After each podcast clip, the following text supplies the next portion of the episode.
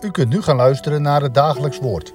Dit is iedere maandag tot en met vrijdag om 10 uur, 3 uur en s'avonds om 7 uur. Deze meditatie wordt verzorgd door dominee Heuting.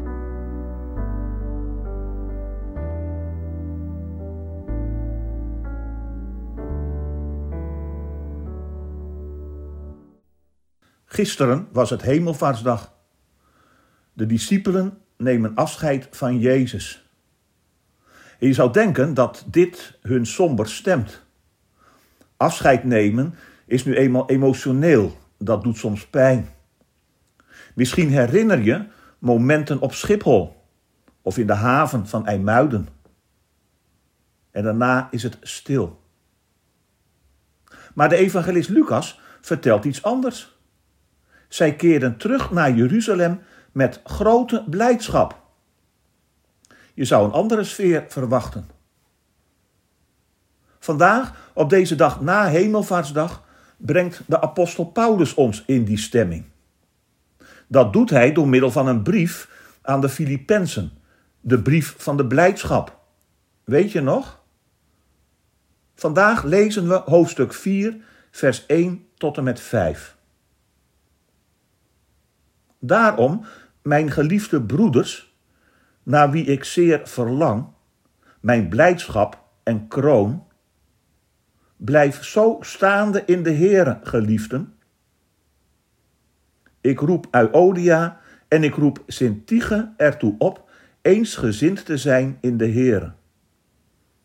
Ja, ik vraag ook u, mijn oprechte metgezel, help deze vrouwen die samen met mij gestreden hebben in het evangelie, ook met Clemens en mijn andere medearbeiders, van wie de namen in het boek van het leven staan. Verblijd u altijd in de Heere. Ik zeg het opnieuw, verblijd u. Uw welgezindheid zij alle mensen bekend. De Heere is nabij. Hoe is het mogelijk? Je zou je zomaar kunnen afvragen of Paulus alle gevoel voor de realiteit mist. Altijd blij? Dat kan toch niet? En dan ook nog voor en in de kerk? Paulus noemt de gemeente in Filippi zijn blijdschap. Jawel, maar vrijwel meteen roept hij twee vrouwen op om eensgezind te zijn. Die opmerking wekt op zijn minst de indruk dat hun verhouding onder druk staat. Hadden Euodia en Sintige misschien ruzie? Konden die twee wat moeilijk samen door één deur? We moeten er naar gissen. Er zal ongetwijfeld wat aan de hand zijn geweest. En de hele gemeente weet ervan. Daarom dringt Paulus er bij andere leden op aan om dit tweetal hierbij te helpen. En dan schrijft hij: Verblijd u altijd in de Heer. Ik zeg het opnieuw: verblijd u. Twee keer staat het er. En in beide gevallen in de gebiedende wijs. Paulus geeft niet zomaar een vrijblijvend advies. Hij geeft een klemmende opdracht. Een bevel om blij te zijn. Stel je eens voor. Is dat geen onzin? Vreugde is er in je leven of is er niet? Je kunt die niet zomaar zelf maken of oproepen en al helemaal niet forceren. Hoezo blij? Nu is het mooie dat de tekst zelf het antwoord in zich heeft. In de Griekse taal lijkt het woord blijdschap sterk op het woord genade. Ze komen van dezelfde stam. Die twee zijn onafscheidelijk met elkaar verbonden. Blijdschap wordt geboren wanneer we delen in het werk van Jezus Christus en leven uit Zijn genade en zo uit de liefde van God. En kijk, dat maakt christelijke blijdschap zo totaal anders dan de vreugde die de wereld biedt. Lol, entertainment, zij is vrucht van de Heilige Geest, die haar uitzaait in mensen die met Jezus zijn verbonden. Anders gezegd, zij is effect van geloof. En daarom heeft Paulus het hier over blijdschap in de Heer. Wees altijd blij, blij in de Heer.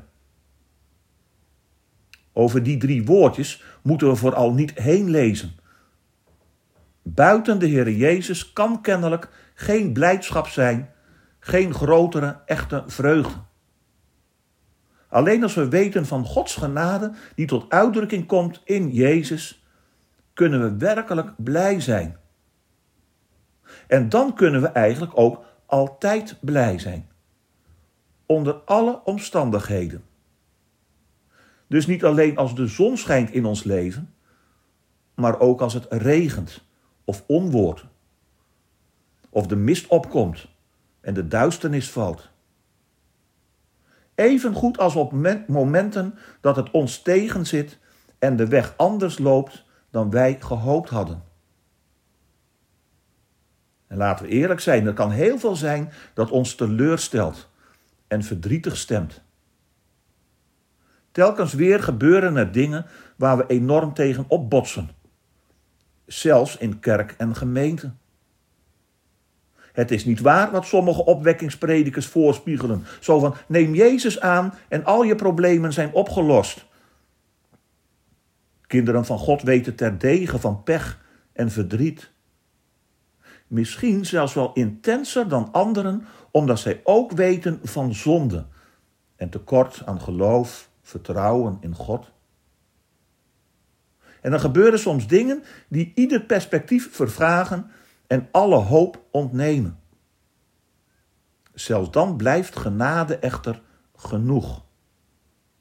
Genade die de bron is van christelijke blijdschap. En die bron droogt nooit op. Omdat de Heer Jezus boven in de hemel is en daar nu leeft om voor ons te bidden, zoals een andere apostel ons voorhoudt. Eens hebben Jezus' discipelen het op Hemelvaartsdag ervaren.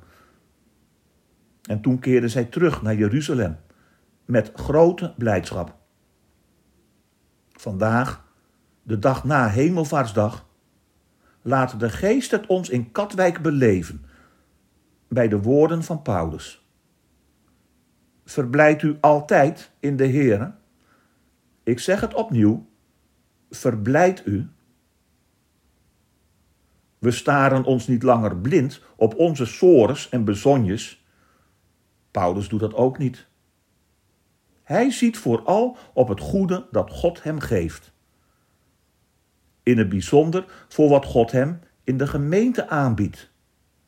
Hij noemt haar zijn blijdschap. Christus gemeente, zijn kerk. Ten slotte, Willem Barnard dichtte. Verblijd u in de Heer te alle tijd. Dat zeg ik u, dat zeg ik u, verblijd u, verblijd u, want de Heer is zeer nabij. De Heer is zeer nabij en Hij bevrijdt u. Laten wij bidden. U danken wij, Heeren, dat wij leven na Hemelvaartsdag. Jawel, heel concreet gisteren, maar onze gedachten worden getrokken naar die gebeurtenis toen, daar in Jeruzalem. En een wolk onttrok de Heer Jezus aan het gezicht van de discipelen en zij keerden terug naar Jeruzalem met grote blijdschap. En nu, vandaag, de dag na Hemelvaartsdag, herinnert u ons aan door middel van woorden van de apostel Paulus, een appel, een bevel, een opdracht. Verblijd u, opnieuw, verblijd u altijd in de Heer. En we ontdekken dat deze blijdschap vrucht is van de geest. Daarom bidden wij u, o God, saai uw genade uit in ons hart, in ons leven. Laat de vrucht groeien de vrucht van de blijdschap, verbindt ons met Christus en leid ons door uw geest. Laat hem de stemming bepalen, zodat wij altijd blij zijn. Blij in de Heer. Amen.